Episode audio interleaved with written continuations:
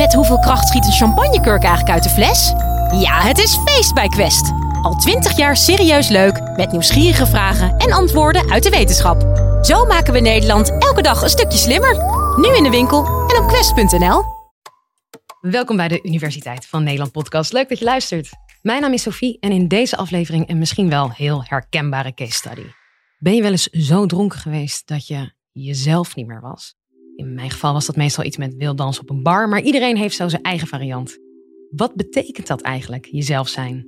De 17e eeuwse filosoof John Locke kwam tot de conclusie dat wie je bent samenhangt met wat je kan herinneren. Han Thomas Adriaanse van de Rijksuniversiteit Groningen vraagt zich af wat dit betekent voor iemand die wakker wordt met een kater en een flink gat in zijn geheugen.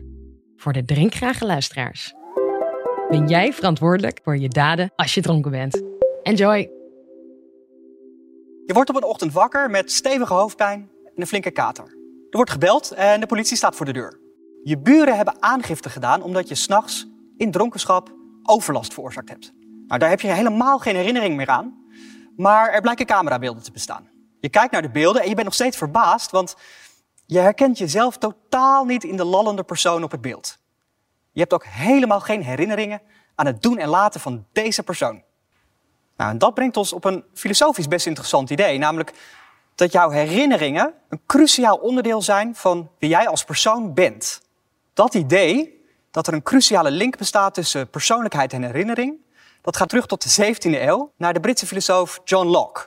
John Locke die vroeg zich af, wat maakt mij tot de persoon die ik ben en ja, wanneer ben ik nou nog dezelfde persoon als iemand van gisteren of iemand van nog langer geleden? Nou, ik ben historicus van de filosofie en ik hou me bezig met filosofen uit de 17e eeuw zoals John Locke. Waarschijnlijk wel een van mijn favoriete denkers. En wat ik in dit college wil doen, is kijken naar twee vragen. Ten eerste, hoe kwam Locke tot het idee dat er een verband is tussen herinnering en persoonlijkheid? En ten tweede, welke voor- en nadelen kleven er aan zijn theorie? Om met dat eerste te beginnen, hoe kwam Locke tot dit idee?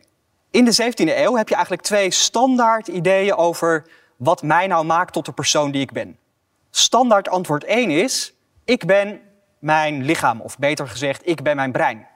Standaard antwoord 2 is, ik ben mijn ziel. Die tweede theorie die heeft natuurlijk als groot nadeel dat je daarmee vastzit aan een beetje vage notie als ziel.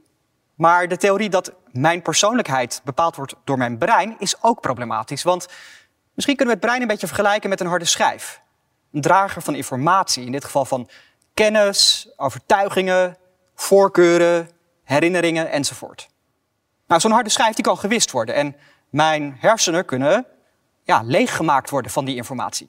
En misschien moeten we eens vragen, stel nou dat ik inderdaad radicaal gebrainwashed word. Stel dat ik al mijn overtuigingen, herinneringen, al mijn kennis verlies. Ben ik dan nog dezelfde persoon? Nou, John Locke zou zeggen van niet. Dus dan hebben we een situatie met ja, hetzelfde brein, maar een verschillende persoon. Dus blijkbaar is mijn persoonlijkheid niet bepaald door mijn brein.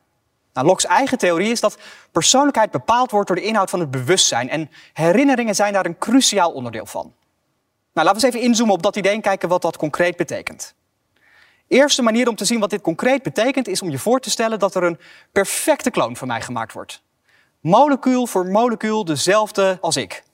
Op die kloon installeren we als het ware dezelfde overtuigingen, dezelfde ideeën, dezelfde herinneringen, dezelfde kennis.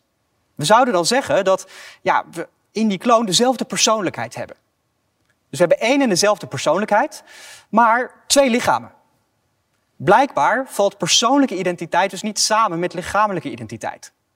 Tweede uh, manier om Locke's theorie te begrijpen uh, is om je te realiseren dat bij Locke's theorie ik dezelfde persoon ben als iemand uit het verleden, dan en slechts dan als ik mij het leven van die persoon uit het verleden kan herinneren.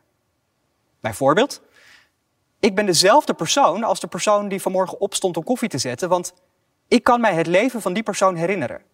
Maar een patiënt met ernstige Alzheimer, die heeft misschien geen herinneringen aan zijn jeugd als vijfjarige en is dus bij Locke's theorie niet dezelfde persoon als het vijfjarige kind. Nou, deze theorie van Locke die heeft een paar sterke punten, een paar zwakke punten. Die wil ik allebei gaan bespreken. Sterke punt 1 is dat Locke's theorie mooi aansluit bij hoe wij denken over verantwoordelijkheid. Waarom? Nou, wij zijn gewend om mensen verantwoordelijk te houden voor daden die ze zich kunnen herinneren. En dat betekent onder meer dat we een dementerende oudere niet zo makkelijk verantwoordelijk houden of aansprakelijk stellen voor daden uit het verre verleden waar hij geen herinnering meer aan heeft. Nou, Locke's theorie kan dat heel goed verklaren, want Locke's theorie zegt dat die dementerende oudere ook echt niet dezelfde persoon is als het vijfjarige kind bijvoorbeeld. En natuurlijk houden we de ene persoon niet verantwoordelijk voor wat een andere persoon gedaan heeft. Dus de theorie sluit goed aan bij hoe wij denken over verantwoordelijkheid. Nu zou je kunnen zeggen dat met die link tussen herinnering en verantwoordelijkheid je ook meteen een soort escape card voor verantwoordelijkheid hebt. Je hoeft maar te zeggen, oh, ik herinner het me niet, dus dat was het doen en laten van een andere persoon. Nou, er zijn ook historische voorbeelden van mensen die zo'n escape card hebben uh, geprobeerd te gebruiken.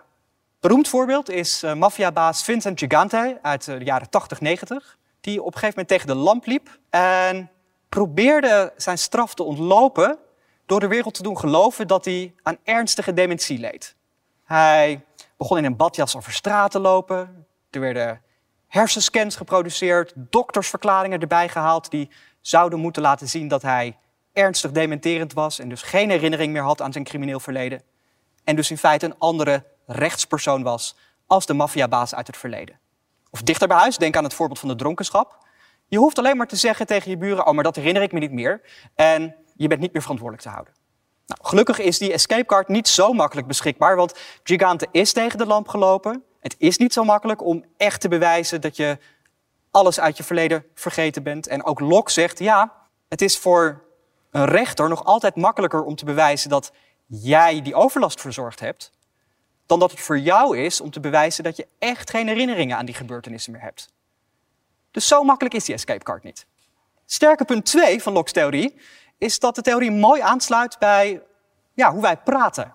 Als wij iets gedaan hebben, maar we ons daar niets meer van herinneren, dan verexcuseren we ons soms door te zeggen, nou, ik was toen mezelf niet. Of ik herken mezelf totaal niet in deze persoon. En het mooie van Locke's theorie is dat daar ook letterlijk iets van waar is in zijn theorie. Want als je daadwerkelijk geen herinneringen meer aan dat verleden hebt, dan ben je ook niet meer dezelfde persoon als in het verleden. Nou, dat zijn twee voordelen van de theorie. Er zijn ook nadelen aan de theorie. Nadeel 1. Het geheugen is onbetrouwbaar. Er vallen af en toe gaten in het geheugen en dat leidt tot puzzels. De beroemdste van die puzzels die is uh, geformuleerd in de 18e eeuw door de Schotse filosoof Thomas Reid. Die zei, stel je het volgende voor. We hebben een 80-jarige generaal en die heeft nog een goede herinnering aan zijn leven als 30-jarige luitenant. Die luitenant die heeft nog een goede herinnering aan zijn leven als vijfjarig kind. Dus wat zegt Locke's theorie? Locke's theorie zegt, nou, de generaal die is dezelfde persoon als de luitenant. Want de generaal die heeft herinneringen aan het leven van de luitenant. De luitenant, dat is dezelfde persoon als het kind, want de luitenant herinnert zich het leven van het kind.